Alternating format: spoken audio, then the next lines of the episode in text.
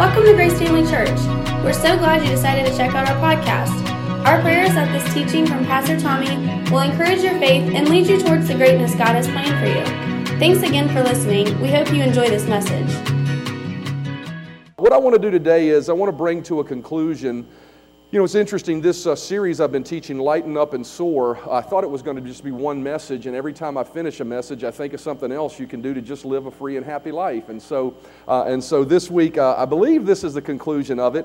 Uh, I want to talk to you about a couple of more principles. I want to talk to you about loving big and just keep dancing. Everybody say, Love big, just keep dancing. Matthew chapter 11, verse 28, Jesus talked about the light and happy life he called us to. So let's read that and then we'll uh, pray and uh, let's just trust God for His will and words to come across this morning. It says these words It says, Are you tired? Are you worn out? Burn out on religion? Come to me, get away with me, and you'll recover your life. I'll show you how to take a real rest. Walk with me and work with me. Watch how I do it. Learn the unforced rhythms of grace. I love that phrase. I won't lay anything heavy or ill fitting on you. Keep company with me, and you'll learn to live, a, live, learn to live freely and lightly. Let's pray. Father, thank you so much for your word. Thank you that it is your will and your purpose for us to have a happy, fulfilled life so that we can be the greatest blessing we could possibly be to others.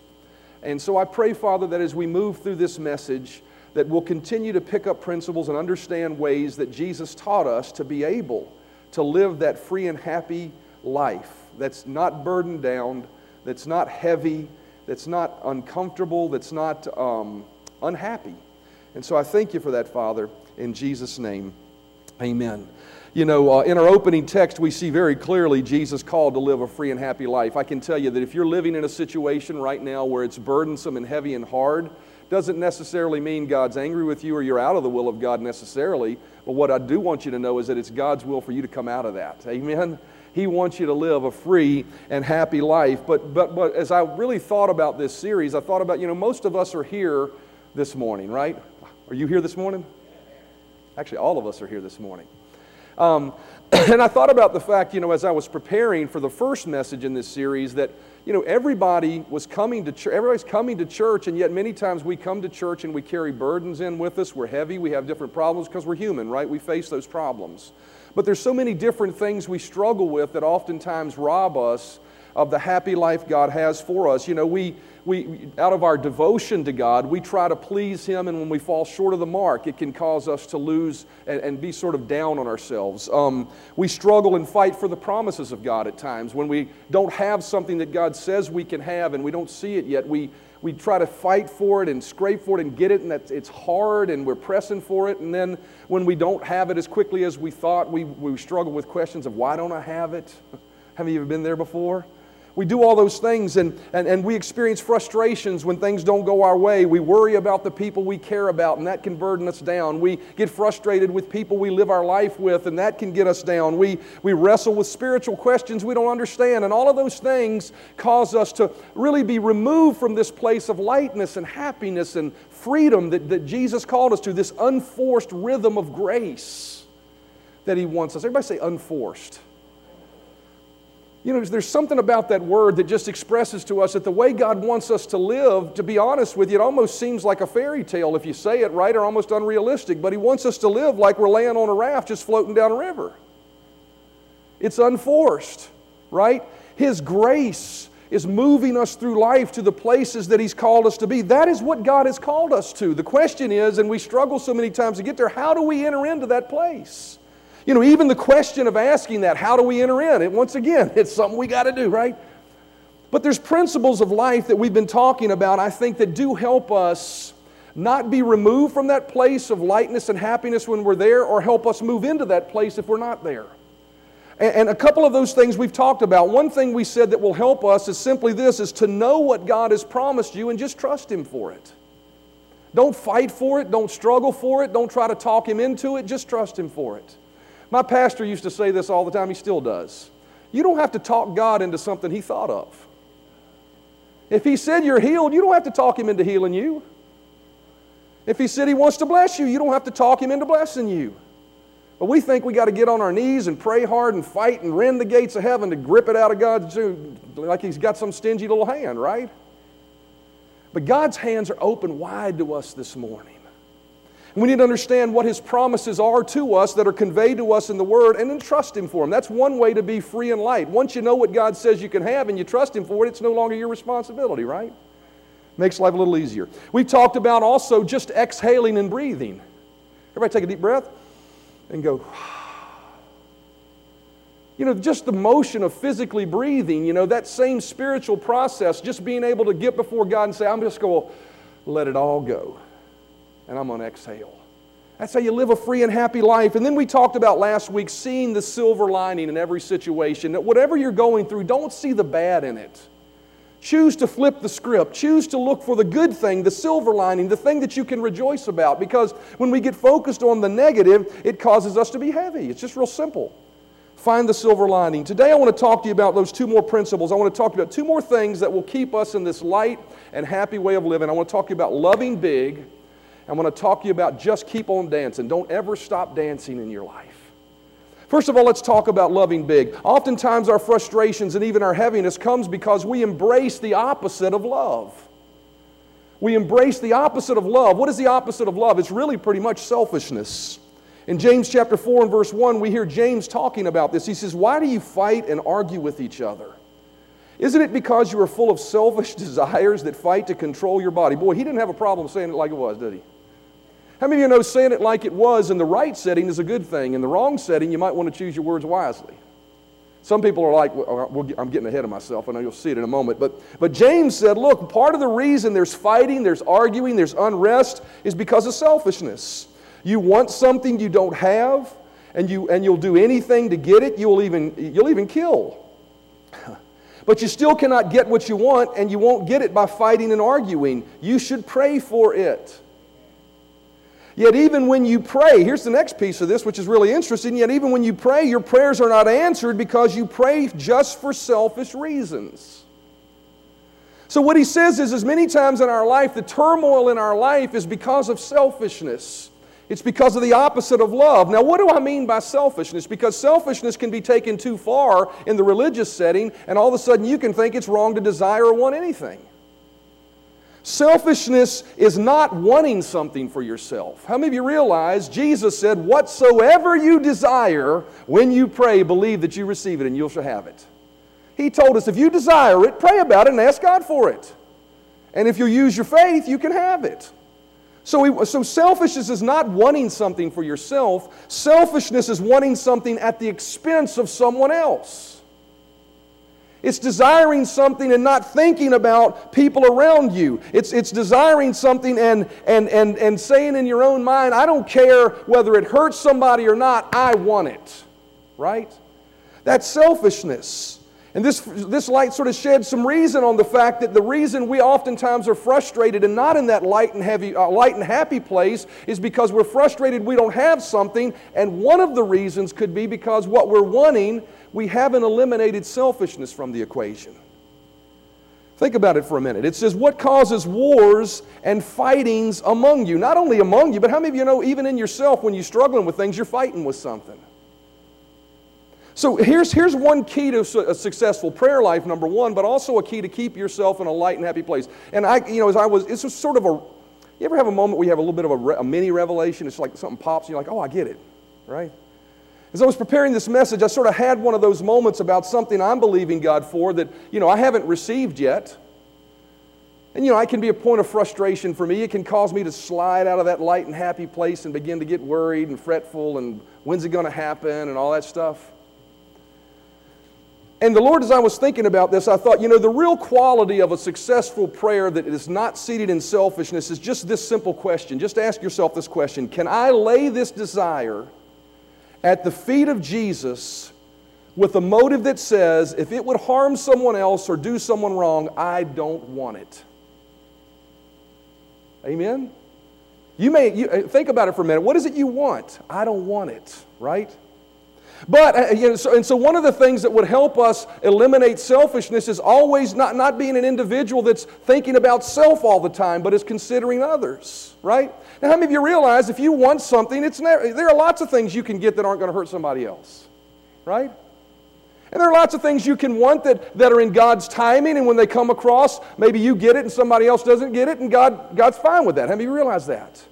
But the motive of our heart should be when we pray is, Lord, I thank you that it's mine, but Lord, if in any way this would harm someone else, I don't want it. That's not a lack of faith. That's seeding your prayers with the love of God. And so selfishness sometimes can be a big factor in hindering the light and happy life. And so how do you how do you fix that? The answer is real simple. It's love. And so I want to talk to you about, you know, loving today and how love helps us live light and happy. And I'm not talking about love the way the world does it because how many of you know God's love is different than the world's love? The world's love is a love that is based on the stimulus it receives. You know, oftentimes marriages operate on that kind of love, and we should rise to a higher level in our relationships. What do I mean by that? I mean, you know, as long as you're treating me and giving me what I need, then I'm going to love you. But God's love is completely different. It's not based on the stimulus it receives, it is something that is innate in the life of a believer. It's something that resides in, and, and is the person of God, right? It's a, it's a force. It's not something that's stimulated to, for it to be able to work. It just naturally is what it is. And so, what I want to talk about today, what is, what is love? What is love? Baby, don't hurt me. It just popped into my head as I said that. whoa, whoa, whoa, whoa. God's love is different than the world's love. 1 Corinthians chapter 13 verse 4 says love endures long and is patient and kind. Love never is envious nor boils over with jealousy is not boastful or vainglorious. It does not display itself haughtily. It is not conceited arrogant or inflated with pride. It is not rude unmannerly. It does not act unbecomingly. Love God's love in us does not insist on its own rights or its own way for it is not self seeking, it is not touchy or fretful or resentful. It takes no account of an evil done to it, it pays no attention to a suffered wrong. It does not rejoice at injustice or unrighteousness, but rejoices when right and truth prevail. Love bears up under anything and everything that comes. It is ever ready to believe the best of every person. Its hopes are fadeless under all circumstances, and it endures everything without weakening. Love never fails, never fades out or becomes obsolete or comes to an end. As for prophecy, the gifts of interpreting the divine will and purpose of God, it will be fulfilled and passed away. As for tongues, they will be destroyed or cease. As for knowledge, it will pass away, it will lose its value and superseded, be superseded by truth. But love never fails. So, so here's the quality of love. I would tell you one of the things that I practice regularly in my life is every time you, I would take that and make those verses in the Amplified Version a part of your devotional life. 1 Corinthians chapter 3 verse 4 through 8 tells us what love is. So first of all, the Bible says God is love, so this is who God is. So first of all, what we understand about love is, is this is how God loves us. So, if one of your thoughts about God towards you don't measure up to this picture of love, let me let you know something. It ain't God's thoughts towards you. If you're feeling like God's angry with you, the Bible says love's God's patient and kind. Right? You need to allow that to happen. But, but that, you know, what I find to be true is this God's love is constant, it never changes. The problem in living a light and happy life isn't that God changes His love, it's us actually practicing that love in our lives as believers. So, one of the things I would encourage you to do in your devotional life is, is everywhere you find love in those verses, just put your name in there and read it to yourself. I challenge you to do that. I challenge you to do that for 30 days. Tommy is patient, Tommy is kind. Boy, I can use that when I'm driving. Amen. I was driving my daughter to Virginia Tech yesterday for something she was doing, and she said, Dad, you're really impatient. thinking it's the student teaching the teacher, right? But you know, uh, love, these, these qualities of love are the things that keep us in the unforced rhythms of grace. I want to show you that. See, you, you may say, I can't love like that. If you're a believer, you can. Uh, just by a show of hands, uh, how many of you here have accepted Jesus Christ as your Lord and Savior? Raise your hand. Then here's the thing I want you to understand you can practice all of these verses with every single person you encounter in your life. See, Romans chapter 5 and verse 5 says, The love of God is shed abroad in our hearts by the Holy Ghost, which is given unto us. And so every one of us as a believer have love in us. Here's the thing that must happen is we must choose to use it instead of letting our flesh dominate us. How many realize when somebody does you wrong, what you want to do is you want to pinch your head off and punch them a few times, right? Like a punching bag. Right? But the love of God is where we have to allow love to rise up and come out of us. And so, how do you, we, we really just have to make a decision in those circumstances where our flesh is screaming to succumb to love. Everybody say, succumb to love. Just submit yourself to it. Say, I can't forgive them. Yes, you can. You just have to submit yourself to what love is. I've had people say that to me before. I just can't forgive them. Yet, if you're either you're not a believer and you're about to split hell wide open, or you can.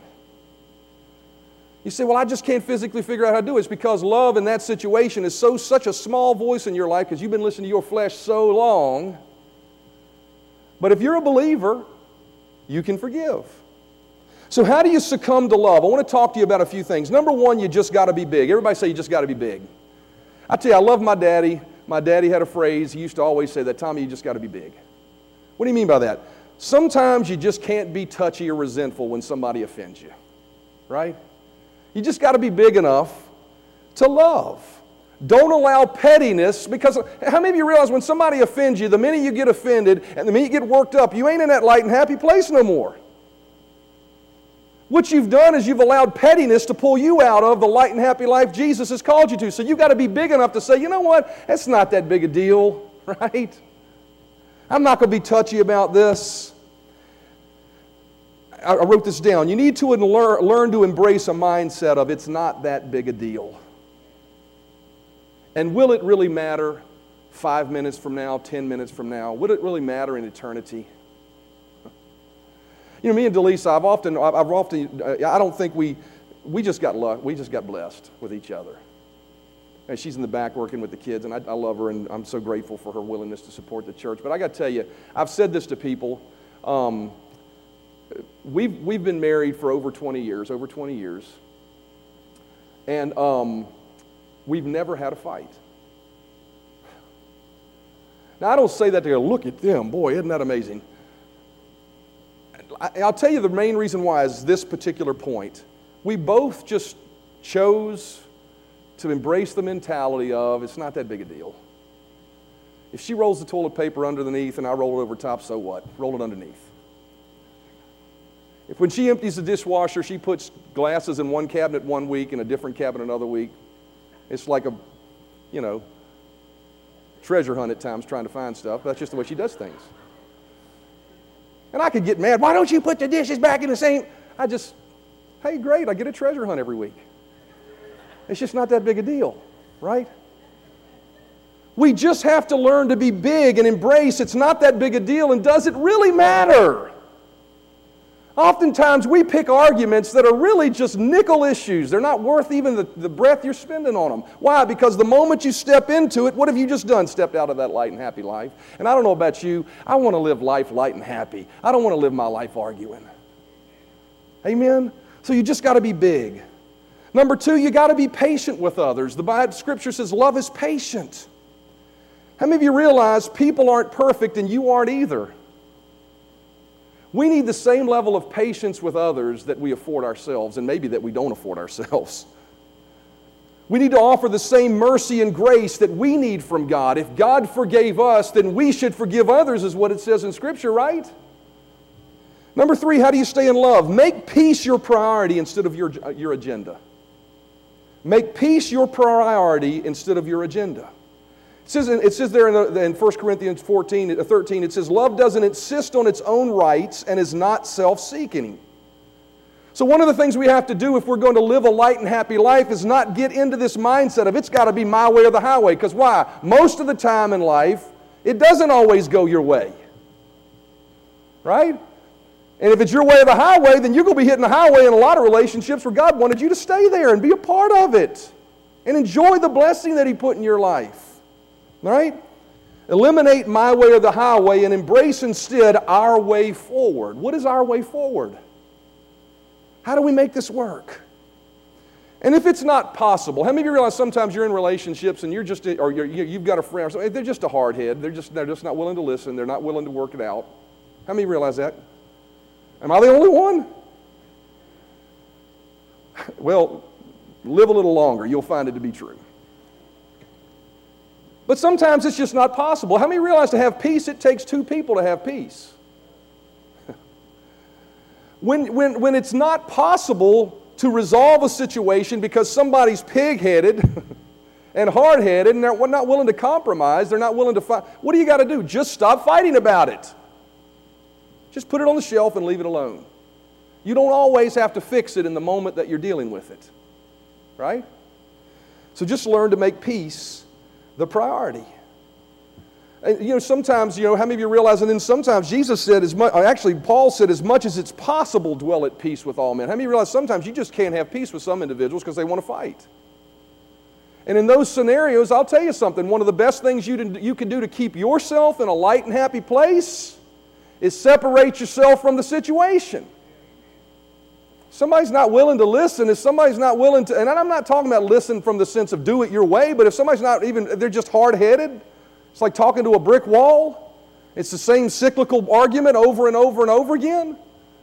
If it's possible, now, how many you're in a marriage relationship? You need to work that through. You got those kind of problems, come see me, I'll help you. I'll just tell you go practice 1 Corinthians 13, walk in love, be patient, be kind. Marriage Counseling 101, 1 Corinthians chapter 13, verses 4 through 8. Are you doing this? If you ain't doing that, then go do that and then come see me. So there's your marriage counseling, right? You can leave your tip at the door.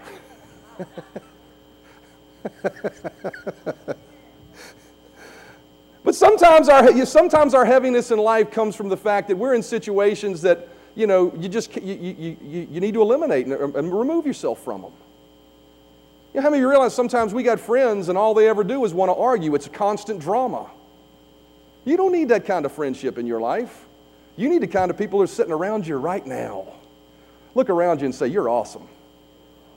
These are the kind of people that'll love you. These are the kind of people who say, Ah, it's not that big a deal. Ah, if we got a problem, let's talk about it and we can't come to terms on it. You know what? No big deal. We're just going to move forward, right? But if, if, if, you find yourself in those issues where it's unresolvable and you have to move on, then just move on, but don't get bitter. Don't get bitter. Amen? But what I've found to be true is that most of the time there are no issues so big that you can't work through them. And in those situations, you just have to be built big enough to build a bridge and get over it. Ever say, build a bridge and get over it? That First Corinthians says this it says, Love takes no account of a suffered wrong. How many of you realize when your agenda is not recognized or not embraced or it's not a part of the compromise, that can be offensive, right? But in those situations, if we're not selfish, if we're embracing love, then it's going to say, I'm going to take an account of that suffered wrong. I'm going to, in this situation, just build a bridge and walk on by it and let it go. But what happens many times is we hold on to it right?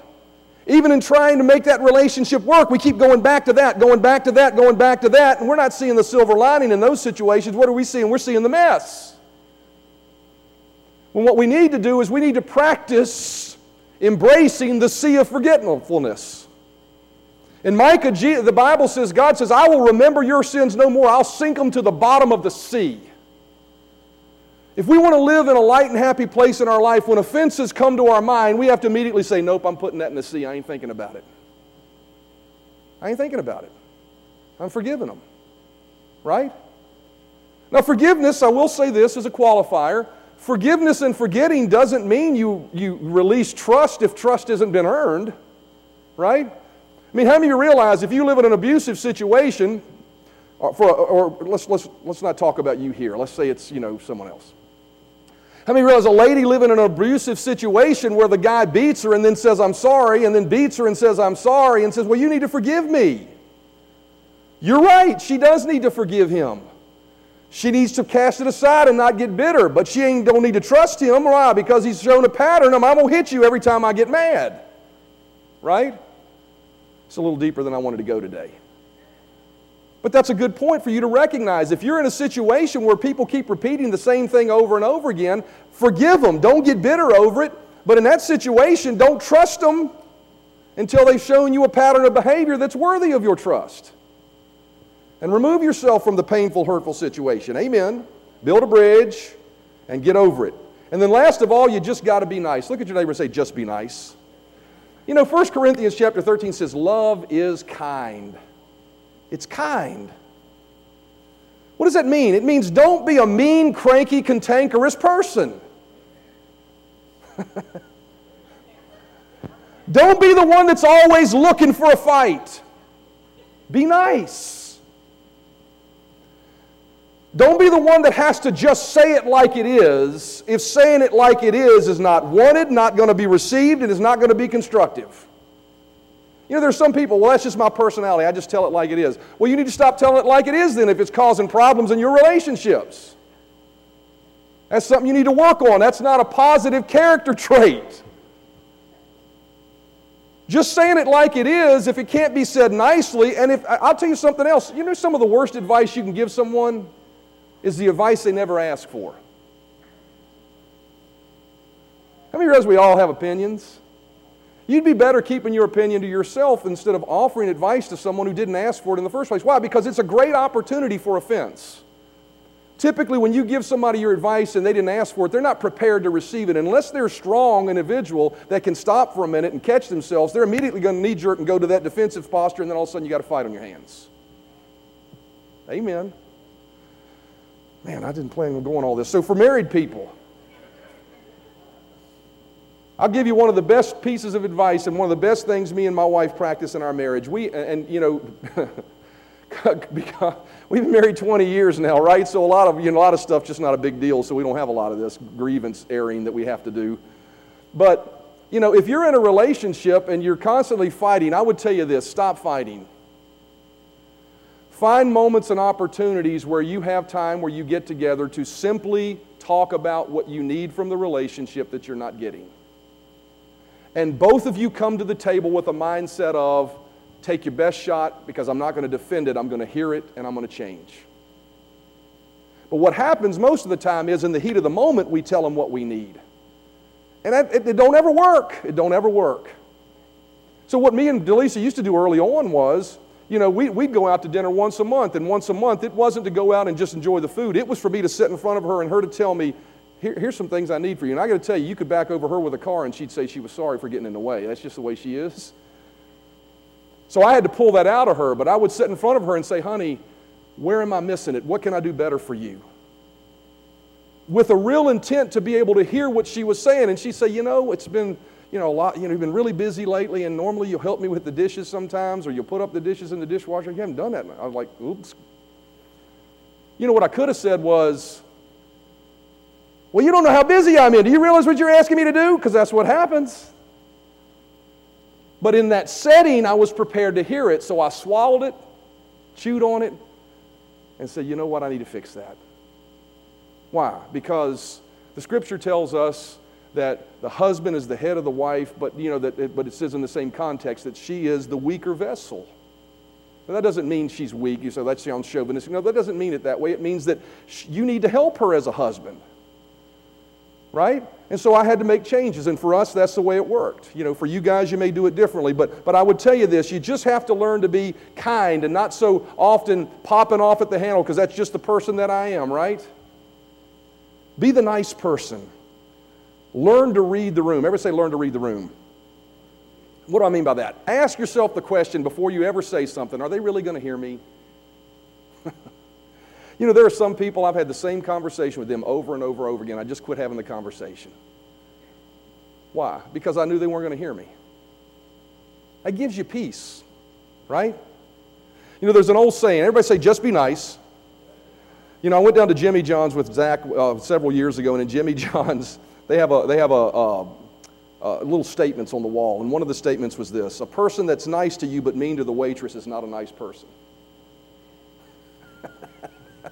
How profound is that? I mean, I thought about that for a minute and thought, how many times have I been short with someone because they didn't give me what I wanted because I would never go see them again? Be the nice person.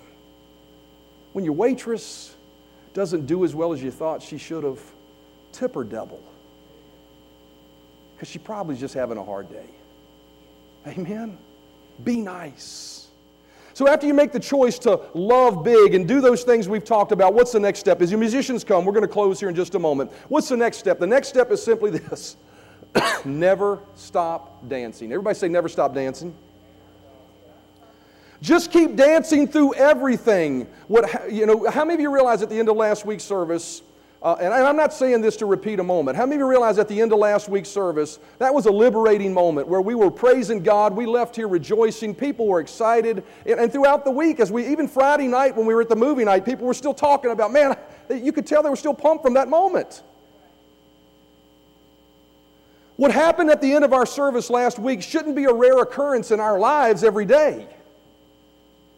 It should be an overflow of what happens on a regular basis. Joyful, exuberant praise should be a consistent part of our lives.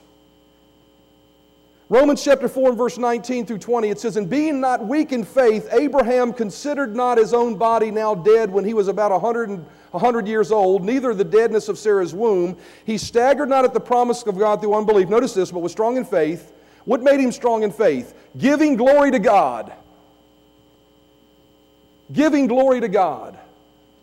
I can see it now. Abraham, as the thought came to his mind, you're 100 years old and you'll still have a child. He didn't dwell on that. He chose to turn and say, My God is able, my God is faithful, and he can get it done. He chose to dance in the midst of the circumstance. So when I say never stop dancing, what I mean is, is you need in every moment of life when problems show up, you need to learn to dance and praise and worship God. You don't need to be one that when a problem shows up, you grit your teeth and fight for that thing. Why? Because the devil's already defeated. You need to laugh at him and rejoice. You know, I rented a pay per view last night to watch the uh, UFC fight, right? And at the end of the fight, and the winner's hand was raised, he didn't seek to fight the opponent again. What did he do? He rejoiced because he won. And I would tell you that if you want to live a light and happy life, one of the ways we do that is by shaking off the heaviness of the concerns and the worries. If nothing else works that I've talked to you about, this will work. Learn to just lay it all down and lift your voice and rejoice and dance in the midst of the situation. Don't yell at the devil, don't fight the devil. Lift your voice and begin to rejoice. You can always dance. You can dance for what God has done. You can dance for what God will do. And you can dance because the devil is already defeated and the attack that's coming against you is nothing worthy more of than a laugh. One of the first responses from your heart when a problem shows up should be, ha ha, devil. Why? Because we have already won. Isaiah 61 and verse 1 says, The Spirit of the Lord God is upon me. This is prophetic of what Jesus would do in the life of a believer. The Spirit of the Lord God is upon me because the Lord has anointed me to, number three, appoint unto them, verse three, appoint unto them the garment of praise for the spirit of heaviness. I wanted to come back to this at the end of this message today because I really felt like the Spirit of God has been challenging me as the pastor of our church that we as a church, as a body of believers, need to embrace praise and exuberant worship in our lives. There need to be times when problems show up that we close the door and we lift our voice and begin to tell God that I know you're able and I'm laughing at the devil because I've already won. I think that a lot of the stuff that happens many times in our life is, especially some of these deep places of worship that, God, that we go to, which are great and awesome, is we carry our problems into those deep places of worship and they become sob moments and they become heavy moments. But the Bible says to enter his gates with thanksgiving and enter his courts with praise. Why? So you can shake off the junk so when your worship is worship, it's pure. It's not worship about him helping you with your problems. It's worship about him as holy and righteous and the great God he is that has delivered us from every evil. It's just to put on the garment of praise. How many of you realize it takes a purposeful act to put on a garment? How many, of you, how many realize if you hadn't done that this morning, you'd have showed up in your pajamas? You have to put it on. Sometimes praise is spontaneous, but most of the time it's a purposeful act to put on the garment of praise that says, I will praise you. How many realize you can't complain when you're praising? You can't be sad when you're praising. That, that heaviness may sit on you, but if you'll truly from your heart dig within and say, Lord, I want to give you praise and thanks because you're good. I want to lift my voice and dance. I want to clap my hands and shout because of who you are. It just causes heaviness to fall off. Psalm 47 and verse 1 says, Clap your hands, all ye people, shout unto God with a voice of wimpiness. It doesn't say wimpiness, does it? It says, shout unto God with a voice of triumph. Sometimes when a problem shows up, you need to learn to lift your hands, not with oh my, but say, praise God anyway, because I'm going to win. Do it with a voice of triumph instead of a whimper of defeat. If you want to live a happy life, a light life, you just need to make a conscious choice to give Him thanks, to never stop dancing, to always praise. Why? Because heaviness will fall away. And so I was really challenged as a pastor not to do this at the end of this service because I didn't want to just repeat a moment from last week. How many of you remember when the transfiguration happened on the Mount of Transfiguration and Peter's like, let's build a temple right here. And Jesus came on down off the mountain. They moved on to the next thing. So I was really hesitant to encourage us into a moment of exuberant praise, just to be very frank with you, because I didn't want to repeat them. I just didn't want to try to replicate something that the Spirit of God wasn't doing. But as I was trying to stay away from it, I sensed the God nudging me in this way. That we need to embrace this, that we need to practice this as a church, but more so so that we know how to practice it when no one's looking. Psalm 150 and verse 1 says, Praise ye the Lord, praise God in his sanctuary, praise him in the firmament of his power. Praise him for his mighty acts. Praise him according to his excellent greatness. Praise him with the sound of the trumpet. Praise him with the psaltery and the harp. Praise him with the timbrel and the dance. Praise him with the stringed instruments and the organs. Praise him upon the loud cymbals. Praise him on the high sounding cymbals. Let everything that hath breath Praise the Lord. Praise ye the Lord. When all else fails, we need to learn to dance. We need to learn to rejoice. And so I'm going to ask you to stand on your feet this morning as the worship team leads us in a place of dancing. I want you to practice this. I want you to learn this. You see, I ain't feeling it. Put on the garment of praise for the spirit of heaviness. Lift up your voice to God. Let's praise Him now. Let's praise Him now. Let's praise Him now. Thank you, Lord Jesus. Thanks for listening to our Grace Family Church podcast. We hope you enjoyed this message. If this ministry has blessed you in any way, we would love for you to get connected. Just go to gfcva.info for more information about who we are, how to give to this ministry, or how you can get involved. Thanks again for listening, and we hope to see you soon.